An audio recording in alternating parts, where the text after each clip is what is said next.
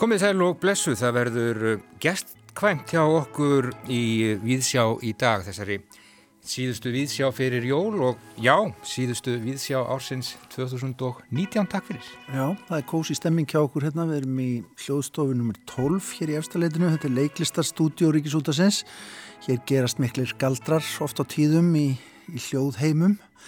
Uh, við erum með búin að fá til okkar góða gesti og eigum búin á fleirum uh, reytöfundum sem að alltaf lesa fyrir okkur úr nýjútkomnum bókum sínum og spjalla kannski aðeins við okkur inn á milli. Uh, þetta eru þau Bergþóra Snæbjörnsdóttir, Kristín Ómarsdóttir, Melkorka Ólafsdóttir, Pétur Gunnarsson, Sjón og Þórdís Gísladóttir. Öll nýbúin að senda frá sér glænýjar bækur og það komu auðvitað margar, margar bækur út fyrir þessi jól eins og venla. Já, mjög margar bækur og uh, þessir góðu gestir þeir eru að koma sér fyrir hjá okkur hérna í stúdiói númer, númer 12. Melkorka er að vísu einhverstaðar först í jólaumferð en hún verður komin innan skams. En uh, á meðan gestir okkar eru að koma sér fyrir þá skulum við heyra síðustu bókarínina hér í Víðsjá fyrir þessi jól Sölvi Björn Sigursson, hann var gestur okkar hér í þættinum í síðustu viku og uh, segði frá skáldsögunni Seltu, apokrífu úr æfi landleiknis en Sölvi er tilnemdur til Íslensku bókmæntaverlunanna fyrir þetta verk. Gauti Kristmarsson, hann er búin að lesa og uh, já, á meðan gestur okkar eru að fá sér kaffi, sopa og koma sér fyrir þá skulum við heyra hvað Gauti hefur að segja um Seltu. Hversu varanlegur ástinn og hversu djúft nær hún? Hverju áorkar fyrirgefningin? Mér sínast þetta vera spurningarnar sem Sölvi Björn Sigursson reynir að svara ekki í nýjustu skáldsögu sinni seltu. Ekki beinlínis, en það er oft nóg að spyrja til að lesendur vilji skilja og svara jáfnvel sjálfur. Þetta er saga sem gerist á 19. öld en er þó ekki söguleg skáltsaga. Ég fæ ekki séð að það sé neitt sakfræðilegu grunnur í henni annar en lausleg vísun til móðuharðinda rúmlega hálfri öld áður og hugsanlega nokkura annara smáadriða sem ekki skipta máli í samhenginu. En ástin er djúb og laungi þessari sögu sem er mjög ofennilega margan hátt. Fyrir það fyrsta er það stillin sem minnir svo litið á hvernig menn skrifið á fyrirluta 19. aldar, eðlilega þar sem frásögnin er fólkin í skýrslu sögumanns til félagsráðsins í Kaupmannahöfn á því herrans ári 1839 og er aðdánavert hvernig höfndi tekst að blanda saman fornirtum stíl og setningabyggingu, einhvers konar kanselístíls og nútíma íslensku. Það drefur kannski aðeins úr þessu þegar líður á frásögnina og sagan fer á flug, en það kemur ekki að sög. Lesandin blífur á 19. öld eins og hann eða hún eigi heimaðar. Þetta er líka vegasaga í landi án vega, ferðasaga þar sem hlutverkum Ótisefs og Penelópu er snúið við. Það er hann, sögumadur eða skýrsluskrifari, sem hefur beðið og hann fer svo á stað til að leita. Ekki sinnar Penelopu, heldur einhvers annars sem hann veit ekki hvað er, en fer samt. Hugsanlega því að hann finnur eitthvað knýja á í formi lítil strengs sem rekur bókstala á fjörur hans og félaga hans Mr. Undertaker. Lengst af eru söguhetjur á ferðum Suðurland sem ennir í sárum eftir móðuharðindin áðurnemdu og eru lýsingar á náttúrinni og aðstæðum öllum sérlega vel hefnaðar einskotsagan af amburveiði Mr. Undertaker óborganleg. En mitt í náttúrulýsingum og framvindu ferðalags og skýrslu spretta spurningarnar upp aftur og aftur hvernig stendur á því að emitt þessir tveir menn deila örlögum sínum þarna er sand auðnum annar svekari við hinn. Við fáum svörin hægt og rólega. Í listilega unninni frásagnartöf höfundar, myndin af mönnunum tveimur fyllist hægt og rólega og samtímis myndin af konunum, móður og dóttur sem landlæknirinn elskaði og ætlaði að eigða lífi sínu með. Hann elskar þær líka enn þegar sagan hefst, áratugum eftir hann mistið þær. Þráður sögunar hangir ekkert í raunsæja mörguleiti, þótt ljúverðu leiki hennar, svo grípið sér til skilgreiningar þórarins eldjárts, sé umtalsverður. Þessi lesandi átti kvarki erfitt með að trúa því sem logið var, nýjað sjá það ljóslifandi fyrir hugskótsjónum sínum. Personurnar eru erketýpulegar, Landlæknirinn og græðarinn í grunninn maður upplýsingarinnar eins og flestir íslenskir mentamenn á þessum romantíska tíma, förðufuglinn og gæðasálinn Mr. Undertaker sem horfið hefur frá villusins vegar og fundið tilgang á Íslandi. Undrabatnið Dagmar sem átjónara stýri svonendu kirkjubæjarhæli þar sem klaustrið var áður. Sinnir það líknastörfum og tekur að sér þá sem andin hefur vext hjá að einhverju marki. Fransmaðurinn Monsieur Pons sem dreymir um innréttingar í formi Ylvasversmiði á Suðurlandi og svo mætti áfram telja. Það er bæði alvar og húmor í fígurum og framvindu sögunar. Heimsbyggilegar hugreiningar og praktískar renna fram úr penna skýrsluhöfundar og einni í samtölum hans við aðra. Engum þá Mr. Undertaker. Húmorinn sprettur fram í spauðlegum fígurum að borða hann og, Monsieur Pons. Líka í nöfnum og mönnum og dýrum. Og að sumleiti máltöku drengsins sem er mállítill í fyrstu, læknirinn og drengurinn á þó fljótt saman með hjálp ljóðsins um Kubla Khan eftir Coleridge. Lýsingin á Suðurlandi er svo sem ekki á neinu sana dú en kannski mætti sjá það í mynd hverfu horfi í kirkjubæjarhæli. Alvöru gefnari sögupersonu lesa svo mikið að verkum upplýsingarinnar og skýsluhöfundur fer meiri sér aftur til Dieter Rós eins og hann hafi verið nýjasta nýtt um 1840. Hann freistast þó aldrei til að grýpa til hins klísjukenda kókitós en auðvitað svífur það yfir vötnum vegna vísana skýrsluhöfundar til hans frægasta verks. Og í raun má segja að hann hafi lifað það í ástinni sem hann fekk ekki að lifa með en lifði samt með í huganum. Frásagnarháttur skýslunar er dálitið þá veruna að hér er um skýslaræða, en höfundi tekst einhvern veginn að blanda skálskap saman við hann. Gott dæmi maður finna það sem lækninu vitjar konu sem hann hafði sagað af handleikin dægin áður, tilvitun hefst. Hvort kona sé lifandi eða dáin veit ég ekki þegar ég vakna. Ég byrð mister að halda utan um börnin með ég gengin í bæ. Það tekur tíma að finna hvort hjarta slái. Hún er lömuð af látanum og skurði. Er hann lifandi eða dáinn? Tilvitnum líkur. Þörleg lýsingin er brotin upp með beðlin læknis fyrir börnin og setningarnar á eftir algjörlega klínískar. Hann heldur svo áfram, tilvitnum hefst. Þegar ég grípum hálsennar og held lengi í leita slætti rýs hún upp. Hún er með meira lífi sér en henn er gott og slæri mig utanundir á sitt hvora kinn með þeirri hendi sem enn hefur lofa og svo leggst hún aftur niður og grætur. Sá grátur er eins og grátur bass sem er nýfætt til utni líkur. Þannig þakkar konan fyrir aflimununa og þar með lífgjöfina og læknirinn álasar henni ekki eitt augnablík. Það er skálskapur í því og listilega er telt saman klíniskum staðrendum og mannlegum tilfinningum. Tittilsögunar vísar óbeintir fjallræðunar um saltjarðar en einnig lýsingu Krists á fólkinu og þess sem hann segir að það eigi að gera. Tengingin er óbein eins og áður sagði en óneitanlega finnst manni vera samhljómur í personum og mannlífi í sögunu og ræðu Krists. Á þess að kristindómurinn sé sérstaklega nokkuð til umræði í tekstanum. Það er helst breytni manna sem er í kristilegum anda, læknisins og dagmarar sérstaklega. Honum er svo stilt upp anspænis afreiksmönnum upplýsingarinnar og gríðalegri tækniveðingu Evrópu sem læknirinn lesum í belgiskum blöðum sem hann fær send reglulega. Þannig kemst umheimurinn og þróun hans inn í mýglegt kotið hans á hjara veraldar. Með þessari skýrslu og apokrífu hefur Sölvi Björn Sigursson gert til gagstaði við bæði þessi rángnefni. Skýrslan er engin skýrsla. Hún er skáldsag og skáldskapur og apokrífa er hún ekki heldur. Hún er í raun öll ævileiknisins og lífskjarni á einni bók sem með tækjum og list bókmentana heldur lesanda förstum við efnið og má mikið vera ef margir öðrist ekki dýpri trú á varanleika ástarinnar við lesturinn. Segði Gauti Krismansson um seltu abó krífu úr æfi landleiknis eftir Sölva Björn Sigursson og já, Gauti bara býstna gladur með þetta verk, Gunni, en það er komin gestir. Já, heldur betur, uh, allir hér sem að hér sita við þetta borð nema við tveir er ykkur, eru með glænýjar bækur með sér Velkomin í Víðsjá, Bergþóra Snæpistóttir, Kristín Ómarsdóttir og Sjón og öll til hamingju með nýjar bækur.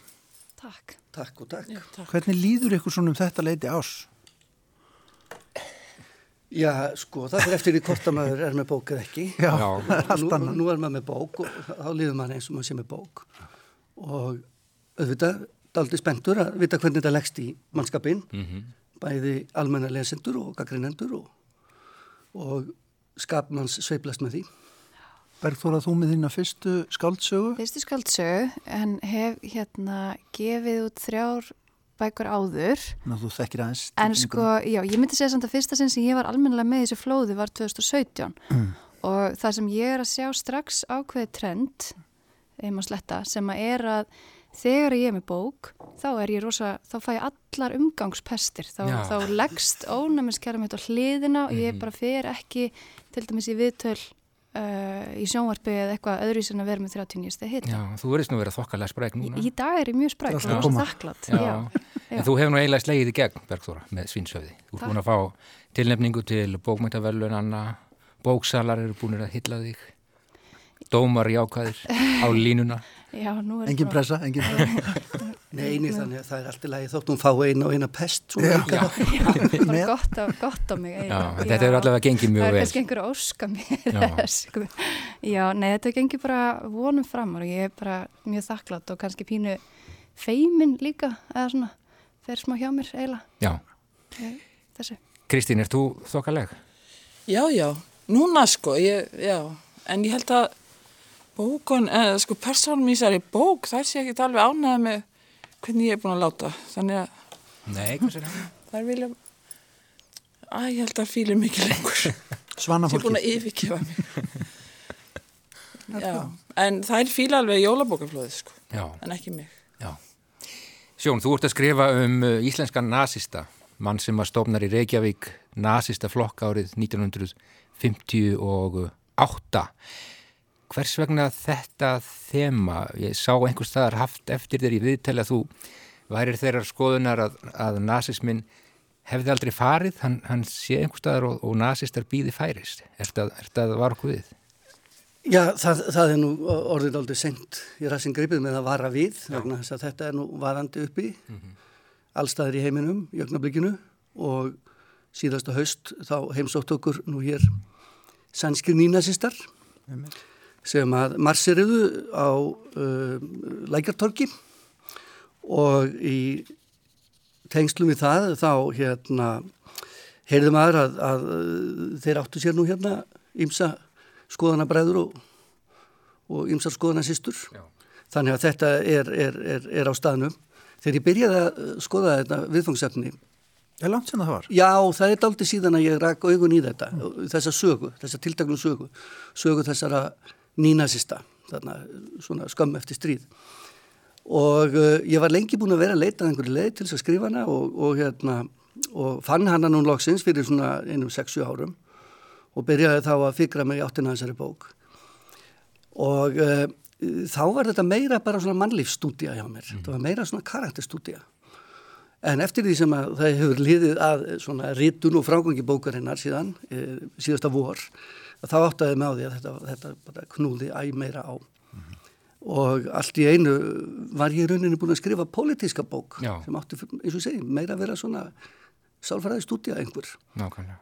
Og e, það sem ég er að reyna að gera er það að ég er að reyna að skoða þetta án, eigum við að segja, svona án þess uppnáms sem fólk er oft í þegar það nálgast þetta viðfangsefni. Þetta er ókræsilegt viðfangsefni. Þetta eru, er, við erum að tala um fólk sem er með skoðanir sem að, sem að eh, leiða yfirleitt til ofbeldis eða eiginlega undartekninga laust til ofbeldis og, og, og niðurlægengar á tilteknum samfélagshópum og annað slíkt. Og það eru þetta eðlilegt að margir nálgist það svona á ákveðinni reyði og, og eru það leiðandi uppnámi og, og finnir þessu fólki allt til foráttu sjáu það annarkvort sem skrýmslega trúða. Það er nú svona, svona tvær svona byrtingamindir. já, En mér langar til að skoða hvernig venjulegur maður getur verið bara í vinnu hjá landsbankanum og, og svona síðan í frístundum sínum rekið nínasista reyfingu og verið í sambandi við nínasista um allan heim. já, þessi Gunnar Kampen. Gunnar Kampen. Já, Og uh, sko, ég stuttist aldrei við sænska rannsóknir á þessu fyrirbæri þegar ég skrifaði bókina. Uh, það er uh, sænsku fræðimar Heleni Löf sem hefur skrifað sögur nazismanns í Svíþjóð og þegar það var gerð körnun á því svona fyrir einhverjum svona 20 árum hverjir, hverjir svona mynduðu grunninn í, í sænsku nýnasistareyfingunni þá voru það svona karakterar eins og Gunnar Kampen. Já, það voru ekki skallatnir, það voru ekki skallatinn sem hlupu um með hérna, hakakross tattúveraðan á ennið og það og gæin í næsta, húsi. Það var bara maðurinn í næsta húsi Mhm. sem að sko starfaði hjá einhverju, einhverju hérna fóðubætis fyrirtæki og notaði alla peninga sína og frítíma í þetta. Það var það sem ég langaði til að skoða. Já. Að því ég hugsa með mér, kannski, kannski tekja eitthvað svona vindin úr segl, seglum nínasistana. með því að segja, heyrðu, við vitum að þeir eru bara venjulegt fólk mm -hmm. ef við ekki byrja þar Já, nákvæmlega.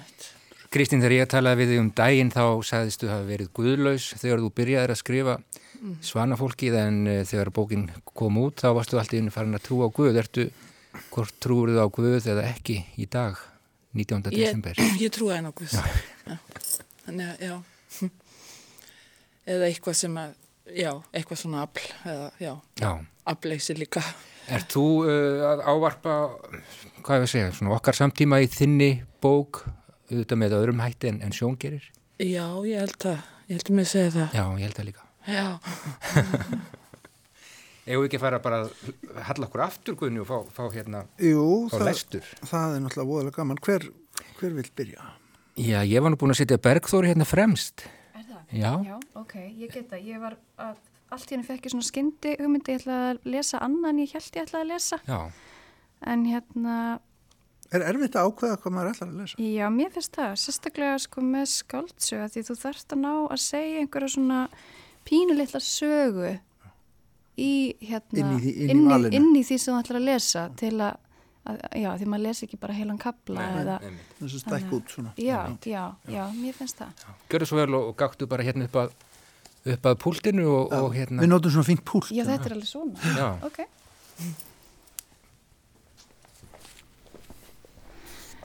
Já, ég ætlaði sérst að lesa smá brot um, og þetta er saga sem að fjallar um eldri mann sem að uh, tekur upp viðnefnið Svínshöfuð og er alveg upp hérna í breyðafyrði og ég ætlaði sérst uh, og inn í þetta flétta saga að tveimur kýmurskum maðginum og kvíða sjúklingi Kópói og ég ætla að lesa smá af sagt þegar þau eru nýkomin til landsins uh, sem sagt kýmverska konan og, og sonurinnar Strákurinn var pínu lítill og allur í keng eins og lítil föl rækja. Munnurinn á honum var samandregin í mjótt stryk. Hann var fimm ára gammal skuggi sem faldi sig á bakvið móður sína. Þegar sínsöfur reynda kýtlan eða spjalla við hann kvítnaði strákurinn og hljópi burtu eins og elding. Sínsöfur heyrðan stökusinnum kvíslekvaða Mari á kynversku. Anna sagði strákurinn fátt en fyldist með ungverjun í kringu sig eins og dýr í búri. Hann pissaði undir hverja einustu nótt. Svínsöfu þurfti að setja einangurna plast undir lakið. Strákurinn þorði ekki út úr húsinu, hann nagaði neglutnar upp í kviku og kroppaði húðina umhverjus neglutnar. Hann þorði ekki heldur á klósitið og endanum var hann komið með svo mikla hægðatræðu að mægin á honum varð útblásin eins og gömul kartabla og slím fór að lega út um endaþormin á honum. Þau neittist til að fara með hann til læknir sem fyrirskipaði sveskjur, lagsirandi og reglulega reyfingu. Svínsöfu ákvaða að hér eftir er í strákurinn að fara út í gard að reyfa sig á hverjum degi. Hann fann eiturgrænan kuldagalla á nýtjamarkaði kirkjunar. Hann hafði aldrei vitað til þess að barn, strákur á þessum aldri, netti ekki út að leika sér. Honum fannst þetta óskiljanleg hegðun. Í fyrsta sinn sem strákurinn var sendur út mótmæltan hástöfum, Marja talaði við hann á kynversku og klættan í kuldagallan og hún virtist pyrruð. Svínsöfu vissi ekki hvort hún var pyrruð út í hann eða pyrruð út í strákin eða bæði. Svínsöfi síndi stráknu með handarhreyfingum að nú ætti hann að fara út í garð og hlaupa hringi kringum húsið. Strákurinn horfi undrandi á hann, opinmyndur. Hann skildi ekki til hvers var ætlast af hannum. Hann var skítugur í kringum munnin og með storknað hórundi nefinu. Strákurinn byrjaði að væla og reynda að hlaupa í burtu, stinga sér undir rúmi í hjónaherbygginu. En Svínsöfi náðanum og dró hann grenjand út í garð. Þú þarft að vera úti að minnstu kosti tíu mínútur, hlaupa í ringi, reyndi Svínsöfið að útskýra með handapatti. Hann fór inn í húsi og læsti útidyrunum. Hann fylgdist með stráknum í gegnum rúðun á hörðinni. Strákurinn satt á rassinum og hrímaður í gangstéttinni í allt og stórum kuldagalla.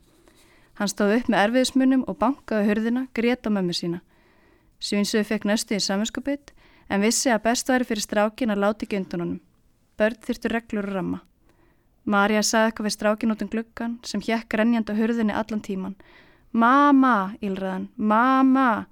Eftir tíu mínútur hleyfti Svínsöfu stráknum aftur inn í húsið. Hann þauði fangi á mömmu sinni sem faðma hann og snýtt honum en eftir nokkrum mínútur virtist hún fá nóg að mjóum útlimmanns sem kaffarði hana og ítt honum frá sér. Já, takk kærlega fyrir þetta Bergþóra uh, Snæpustóttir, þetta var úr Svinshöfði, bók sem að hefur slegið í gegn og uh, já, hún er nú ansi ansi svona raunsæ og, og nöturlega en, en, en mjög mögnuð. Takk fyrir þetta Bergþóra. Ég held að við förum bara beint yfir í Svanina Guðni Tómasson. Um, það er bók sem að heitir Svana fólki þar sem að, já meðal annars koma við sögu svo kallar mann áltir, svanir að neðan, mennað ofan. Viltu lesa fyrir okkur, Kristín? Já.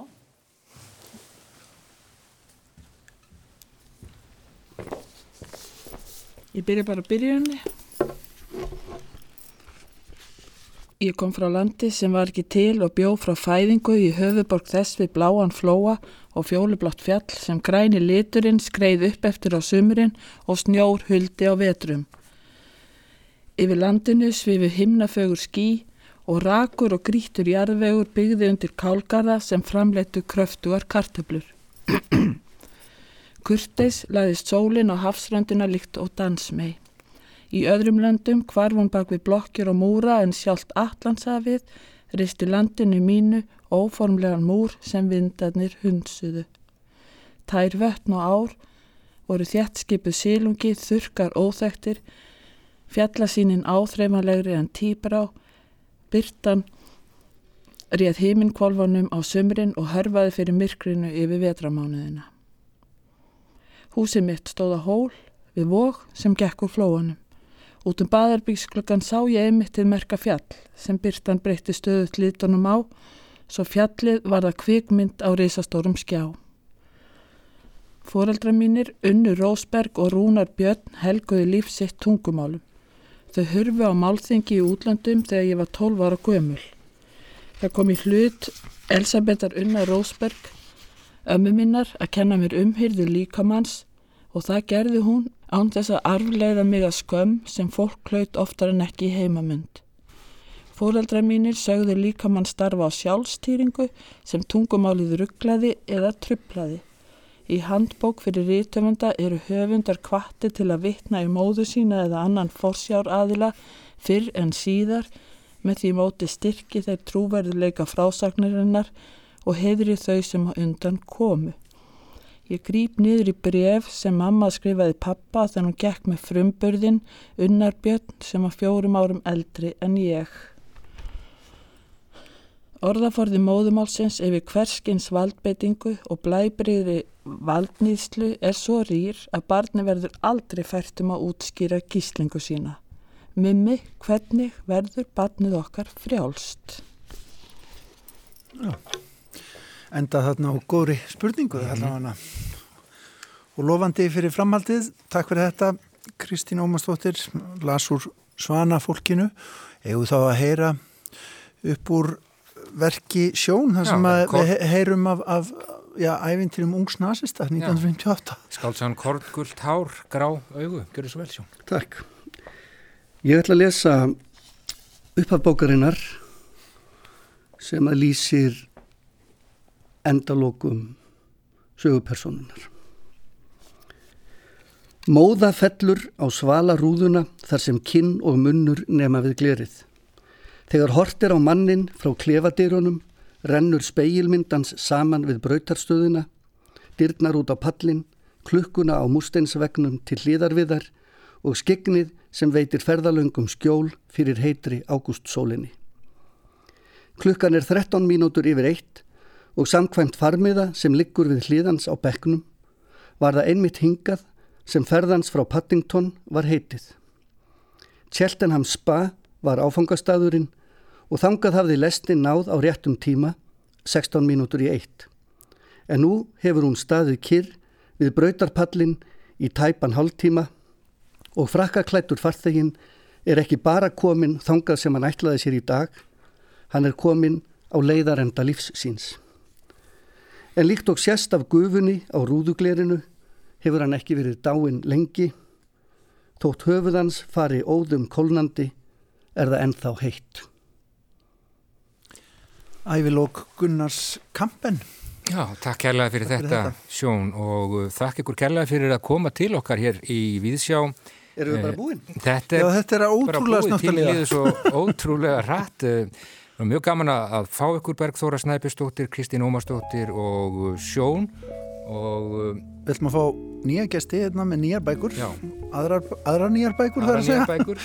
í setti til okkar en heyrum hérna nokkra jólatóna fyrst. Það er uh, gítarleikarin Charlie Hunter sem að leikur smá jólastef fyrir okkur hérna meðan við skiptum út. Takk kærlega fyrir að koma til okkar. Takk fyrir. Já, takk fyrir.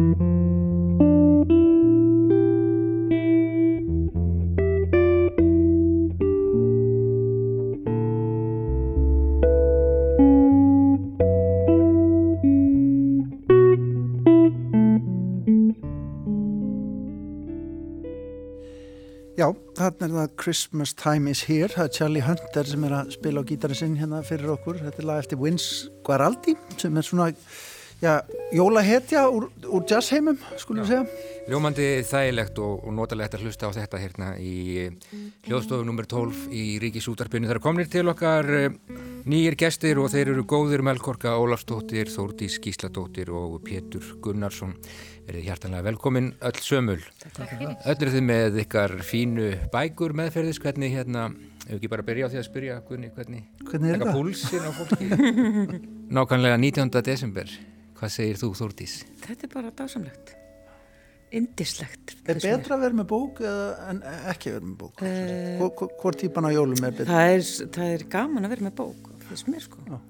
En svo er náttúrulega líka gaman bara að lesa allar hinabækunar sko. Já. Það er nóg að hafa. Nóg að hafa, já. Vorum aðeins gestir okkar sem voru að kveða okkur hér í hljóðstofu þeir náttúrulega höfðu þessar örfá mínútu til þess að spjalla við okkur en, en hérna eitt af því sem var nefnt hér svona þegar fólk var að fara út það var þessi þjóð sem að verðist alltaf verða ólæsari og ólæsari en gefur alltaf út fleiri og fleiri bækur. Já, það er svolítið. Finnst sko það ekkert skrítið? Ég veit ekki. Ég er endar hef hitt höfundar sem segist ekki lesa neitt nema eftir sjálfans. Já, ég hef smá ágjör af því líka. Allar þessar ljóðabækur. Hvort ég séum að lesa þessi ljóð. Já, um mig. Það er rosalega gróskaði ljóðum. Hér eru Mikið gefið út af ljóðabækur. Já. rosalega mikið. Þú tilherir nú svona ljóðakombói er Svikaskáldum. Svikaskáld og það eru svikaskáld sem að gefa út uh, bókina þína. Hérna eru fjöllin blá Einmitt. og það er sannarlega mikil gróska. Það er annar hver maður að, að yrkja líkur við. Já, það verðist vera. Mhm. Við lifum náttúrulega á Twitter tímum Já. og svona þessum tímum sem að fólk les aðalega fyrirsagnunar og fæstir gefa sér tíma til þess að lesa meira. Nákvæmlega. en ég vil nú trúa því að það sé eitthvað eitthva gott í þessu líka. Við skulum vona það. Pétur Gunnarsson, þú hefur nú gefið út bók áður. Nokkrar. Nokkrar. eh, hvernig, hérna, hvernig líður þér? Jú, uh, mér líður bara vel en uh, sko ég les nú ekki svo sem mikið, þetta er náttúrulega maður bara býður eftir jólapökkun mm -hmm. og vonast til að fá bók í, í jólagjöf Já. en uh, ég hef svolítið verið að lesa Almanak þjóðvinafélagsins og uh, svona bara klassik. að Alvöru klassík? Alvöru klassík, svona allaði svona til þess að létta mér lund að nú færi sólin að hækka á lofti og hvað haldið þið? Ég uppkvöta mér til skelvingar að á þólasmössu þá er byrting 10.04 og það er sama byrting nýju dagi í röð sólinn hún hækkar ekkert á lofti mm. í nýju dagi í röð þannig að hún er bara að hugsa sin gang já. Já, já. og svo tek hún strikið þau getur ímyndið ykkur hérna áður fyrir sko þegar fólk uh, var ekki með almanag uh, þjóðinafélagsins og hefur bara jáfnvel haldið að sólinn væri hætt við það myndi bara ekki myndi snústugur og myndi ekki byrta Nei En e, svo fer nú sólinn að rýsa þannig upp úr 13. og þá fara menn að sjá byrtumun. Og, og Þorburgur sagði að skamdeginu líki 10. februar. Já, klukkan 10.15 eða eitthvað. Eitthvað svo leiðis. Ég held að það sé rétt. Melkorka, hvað segir þú? Vilt þú hérna kannski bara ríða á vaðið og, og lefa okkur að heyra e, brot úr bókinni þinni? Hérna eru fjöllin blá, ég ætla að bjóða þeir að ganga hérna bara upp að... Við erum eins og rosa fínir. Já, átt að flíklinum og, og að púltinu.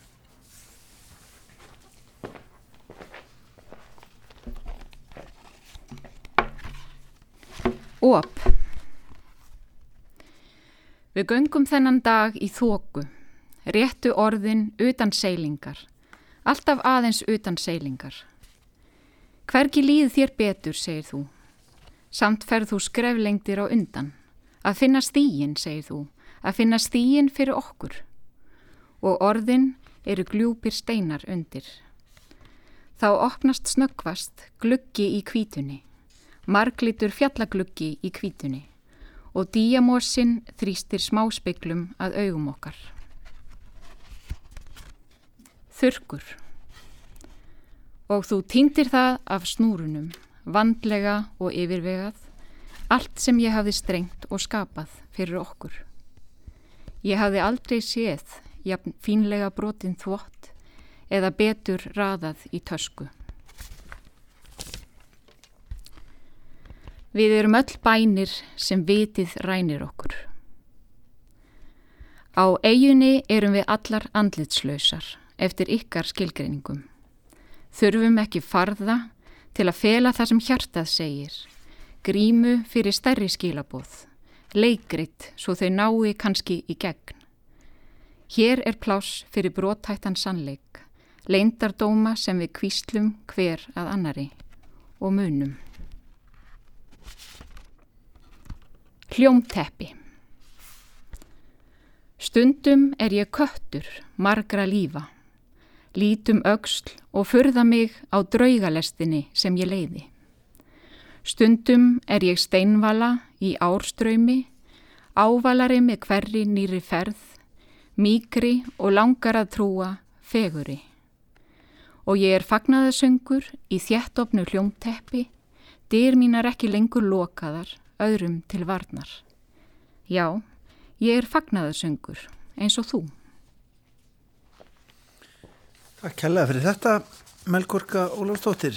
Þetta er aldrei ólíkir titlar, býtum við, það hérna eru fjöllin blá og svo mislæg gatnamót hjá þér Þórtís. Þetta er ekki alveg sami steinstifti veruleikin hjá þér og, og, og, og fjallabláminn, annars er þetta aldrei ólíkt. Já, mm.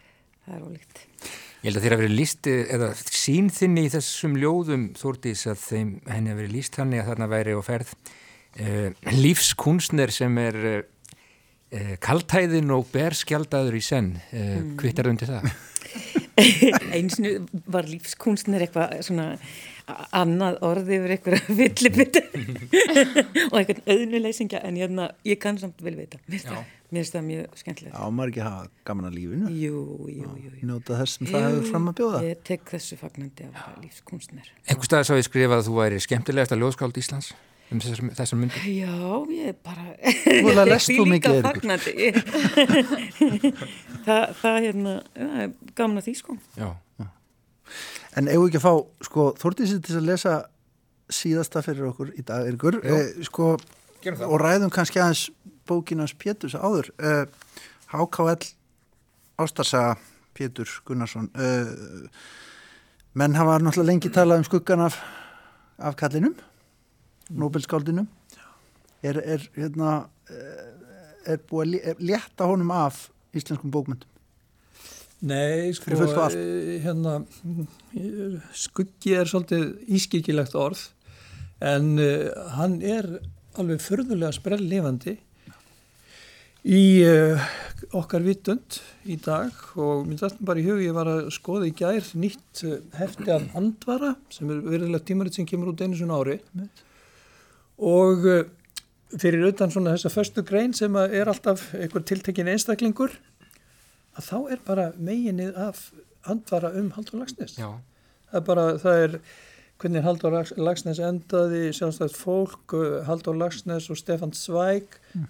Haldur Lagsnes hitt og Haldur Lagsnes þetta þannig að hann er alveg ótrúlega nærverandi. Já, hann á ennþá allar gödunar í Matador spilinu Já, hvað er ekki 21 ár síðan hann lést eitthvað svo leiðis og 120 árið eitthvað svo leiðis síðan hann fættist en, en, en hann er uh, allt um líkjandi má segja. Mm -hmm og þess vegna finnst mér svo mikilvægt að uh, hann uh, trén ekki sem einhver klísja að, að, að, að velta upp og, og sína á honum nýja og nýja fleti. Mm -hmm. til þess að einmitt, til þess að hann geti nært okkur en þá betur. Mm. Þú ert að skoða hann svona áður en hann er íkoniseraður í runni og Ég er reyndar, unga, það er nú reyndar uh, allt undir í bókinu, það er Já. ekki sérstaklega tími sko en, en auðvitað eh, fókusa ég mjög mikið á, á upphafans sem reyndvöndar og, og ég skoða alveg sérstaklega við varum mikla frá Kasmír og, og það mikla breyk sem að svo bók var.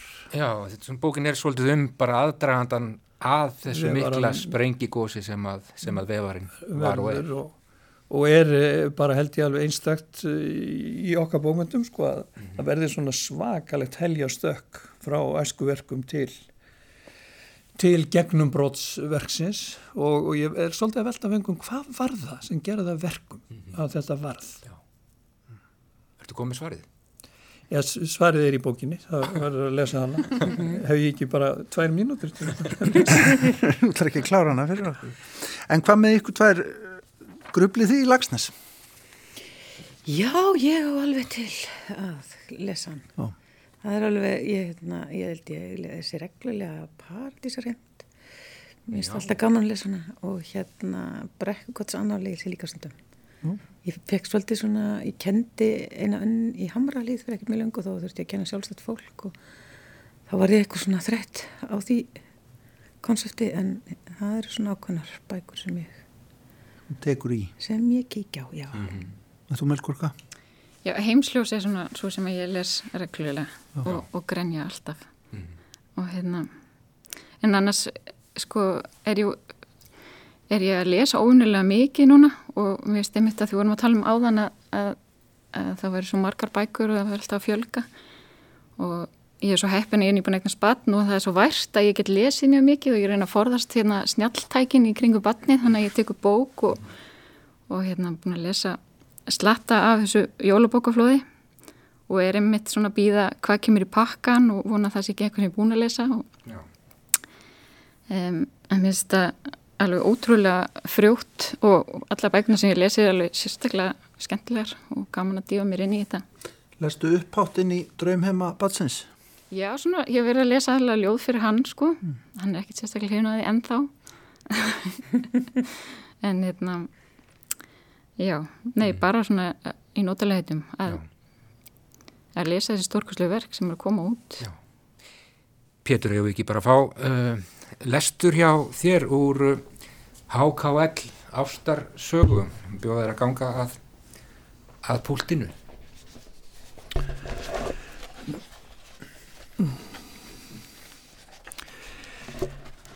Já, að því að ég veit að þið eruð alltaf í alveg óðbóðslegu tímaræki að þá ætla ég að skera lesturinn bara alveg niður í svona ljóða lengt og þetta er reyna veru, þetta er sendibrið frá Haldvari Lagsnes til mín.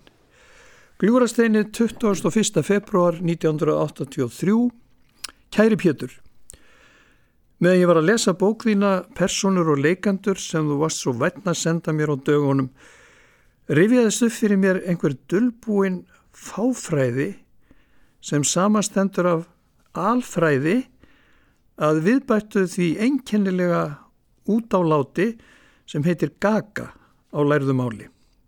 Og þú ert reyndar svo heppin að kunna. Þetta einkennilega efni held ég sé örugur bræðbætir góðra bóka.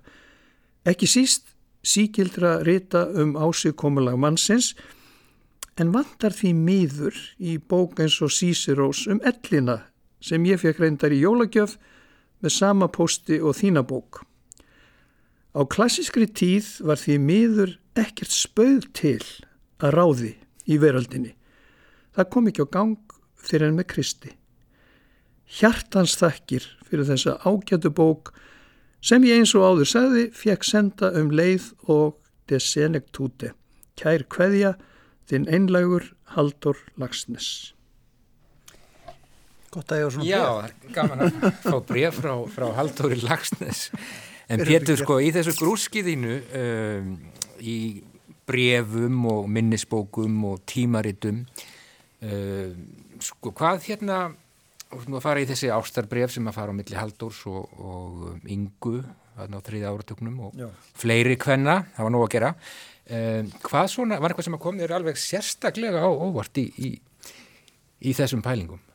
Það sem kom mér sérstaklega á óvart var að uh, skoða minnisbækur Haldós mm -hmm. eða svona þessar vasabækur sem maður er með bara á sér kom mér á óvart hvað hann hafi skrifað mikið greinilega á eins og kaffihúsum og hótelum. Og hvað uh, frum útgáðar eða frumversjónir af heilu skaldsónum er að finna í þessum fasabókum Já. og þá oft uh, á, á, í allt, allt öðrum útgáðum og, og, og, og oft svona mun hressilegri útgáðum að þá á hann eftir að að fíni sér og pussa og slýpa sko og það kom mér svolítið óvart. Hvað heldur þú til dæmis að hann hafi skrifað heimsljós oft? Getur ímyndaðir það? Hefur þú pælt í því? Nei, nei, hann, eh, hann skrifaði náttúrulega alltaf margar gerðir mm -hmm. af eh, hverju, hverju verki en með þetta er í huga því að Melkorka nefndi heimsljós að uh, hann Ólaf Ragnarsson þegar hann tók við útgáfu á verkum Haldós að þá ætlaði hann að gefa út bók þar sem að innan gæsalega þjóðkunnir Íslendingar veldu sinn upp á alls kabla mm -hmm. úr verki Haldós mm og uh, ég sendi meðal annars einn kabla úr heimsljósi mm. og svo kom bókin aldrei út og einhvern veginn spurði uh, spurði Ólaf, hva, hvað var það með þessu bók? Já, nei, það, það gekk ekki, það völdu allir kabla úr heimsljósi. Það er virkilega, þannig að það var bara eins gott að gefa út heimsljós einu svona enn bara. Já, þetta er hérna, en ef við ekki að steipa okkur, er ykkur beint inn í svona, hvað maður segja, bara reykvískan raunveruleika Já, núna, það er brjálu umferð úti. Kundar Þórtísar Gísladóttur, ég held að við, við gerum það með glöðu geði. Einn í ljóðabókina Mislæg Gatnamót og það eru þetta fólk er í bílunum sín núna, þannig að ég held að passi bara eiginlega ekkert, ekkert betur. Já, ég ætla að byrja því að lesa ljóð sem heitir Árettinga. Lífið er kvorki sangirnisvottað nýja svansmört. Ég hef engan rétt til að senda einn kvartanir Á ekki heimtingu á neinu og myndi svo sem aftakka skipti á kvundagi og draumum, stæði til bóða að velja. Ég halla mér ekki að spámunum, tek heitan líkama fram yfir orð með hólan hljó. Hef heyrt að góðir hugsuðir séu vondir elskuðar, sem er reyndar ekki algild, það hef ég sannrend og einni spurst fyrir. Ég hef líka frétt að fyrirbyggjandi aðgerðir séu gagslausar til lengri tíma og besta útgáfana mér er ekki til. Allir þessi dagar. Skamdegis lagðir þyrla sér yfir okkur eina af annari á meðan vöð var bólgna og naglalakkið flagnar af. Miðaldra kona er ekki glæsileg fastegn, býr ekki við gamaldags sjarma eins og áhugaverð íbúð í þingkoltunum. Röttin er stundum rám, uppáhalds fylgihluturinn glas. Lífið er ekki sjónvastáttur, vinur og grannar ekki personur í sænfeld eða frends. Engin æðir inn á þessa banka, segir eitthvað óviðegandi, opnar ískápin og drekkur bent úr fernu í leifisleysi. Skjábyrtan er varðeldur ég sviðsett líf, skrifa innslög og byrti myndir á samfélagsmiðlum. Flytt örleikrit í töskum og ösum. Nær ykkur kemst ég ekki og ég ætla uh, að lokum að lesa ljóð sem heitir Andvögur og það hefst á tilvittnin í skaldkonu sem ég held upp á finska skaldkonu sem hétt Eva Kilpi og tilvittnin er svona svefleysingjar allara landa saminist. Árin eru svo stutt, næturnar svo langar. Við erum hægt að telja kindur, sofum með hernartól, hlustum á tónlist, útvarpsþætti, hljóðbækur, stökkvandi söðfje löngu orðið óskiljanleg vísun. Mörgum er ókunnugt um að með árunum lengjast næturnar. Fólk sefur illa, vaknar varnar löstu miðjanótt og fræ sjálfsefans spýra best að næturþeli. Á meðan þreyttir stara á símaskjá með svæfandi drikki og liv í blóðinu, sofa sigur við þeirra lífsins. Leðtogar fleia sér eftir þörfum. Þeir kvíla sig á sípiljunni, falla í dvala og sigra stríð. Það kemur alltaf ný nótt, nýjir draumar, nýjar martraðir. Já. Nákvæmlega, nokkuð til í því. Takk fyrir þetta Þórtís Gísladóttir. Það fennu að steytast í þessu hjá okkur Guðni Tómasson, það er kannski ekkert úr vegi bara svona undir lokin að spyrja fólk út í það, hvernig það, já hvernig hátíðarnar leggjast í það og, og þessi tími bara almennt. Melkorka, þú hefur nóg að gera? E, já, ég, ég hef alltaf verið jólabann og ég reyndar ekkit hérna, mér finnst það snúast einmitt eins og Pétur eru að tala um svo mikið um þessa byrtu og fagna, fagna því að sólinn sé að Engur tíman á leðinu upp? Já, engur tíman á leðinu upp. Og mér finnst það óskaplega fallið hugsun. Ég er mikið vorball líka sko og ég hérna uh, kvíði alltaf svolítið vitrin þannig að jólin eru mjög fallið hátíð fyrir mér og ég er svona að reyna að halda halda henni bara svona innfaldri og, og hérna, einmitt minna mig á þetta ég er mjög ánað með svona alla í kringum mig þeir eru mjög svona meðutæður um að taka sem minnst átt í svona neyslubrjólaðinu og, og bara næra sig og sína Já, Þórtís Já, ég ætla að liggja svolítið mikið í rúminu og lesa bækur um jólinn og svo ætla ég að fara í sund þess að milli og borða eitthvað gott ég held að það sé bara Frábæra uppskrift. Ótrúlega gott. Já. Okay. Pétur, erst þú vanafastur um jól? Um, nei, ég get ekki sagt það. Það er bara góðan mat og gott rauðvín mm -hmm. á afgöldagskvöld. Það er alveg stórkoslegt. Mm -hmm. en, en síðan, já, ég segja eins og Melkorka, ég er mjög hugfangin á þessum tíma, sérstaklega í, í, í tengslum við þessi byrtu skil þetta æsi spennandi móment hvort að sólinn fari ekki að hækka á lofti og mér finnst satt að segja eins og það ætti að vera, vera bara fullt viðfársefni fyrir mann að til dæmis að fylgjast með tunglinu. Okkur er tunglið þarna í, núna en það var annar staðir í gær. Mm -hmm. og hvaða stjarn er þetta sem er núna við hliðin á tunglinu? Mm -hmm. en uh, hugsið ykkur að það er bara þetta lifa heila mannsæfi og, og hugsa aldrei um tunglið eða stjarnar eða himinin Nákvæmlega. En hann er virkilega fallegur um þessa myndir heiminn. og Venus. Já, og Venus heldur betur. Venus átt í vestir skín mm. full, full vinna að fylgjast með, með tunglinu. Og, við, og við sko vonum að heiminin verði áfram bjartur og fagur og fallegur í, í snjónum hjá okkur núna um jólinn vonum að sólinn taki rétta ákvörðun. Um að koma aftur og sína sig. Nákvæmlega. Mm. Ég vil segja bara takk fyrir komuna. Takk fyrir komuna og gleðilega hátíð og takk fyrir lesturinn. Melkorka Ólarsdóttir, Þórtís Kísladóttir og Pétur Gunnarsson og við erum bara kominir á leiðarenda í dag Gunni Tómasson Já. það var síðasta vísjá fyrir jól og síðasta vísjá á þessu ári hreinlega, 2019 trúur því?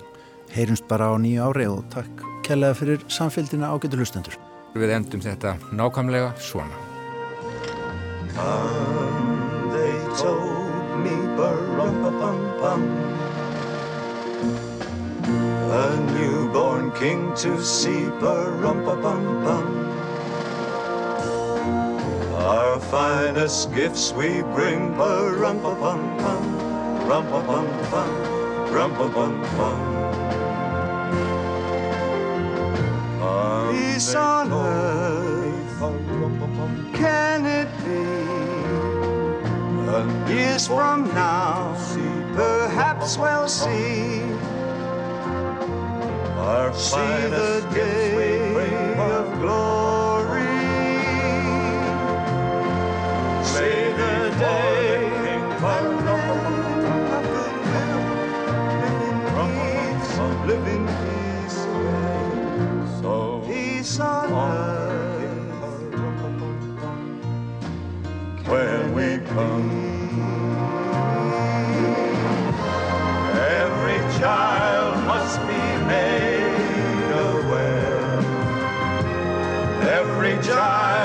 must be made to care.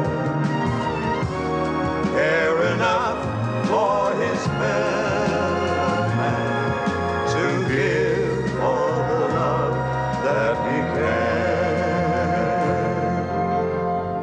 I pray my wish will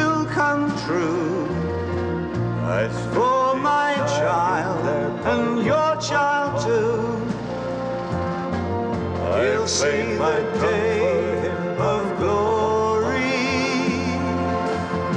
I see the day when men of goodwill live in peace, live in peace again.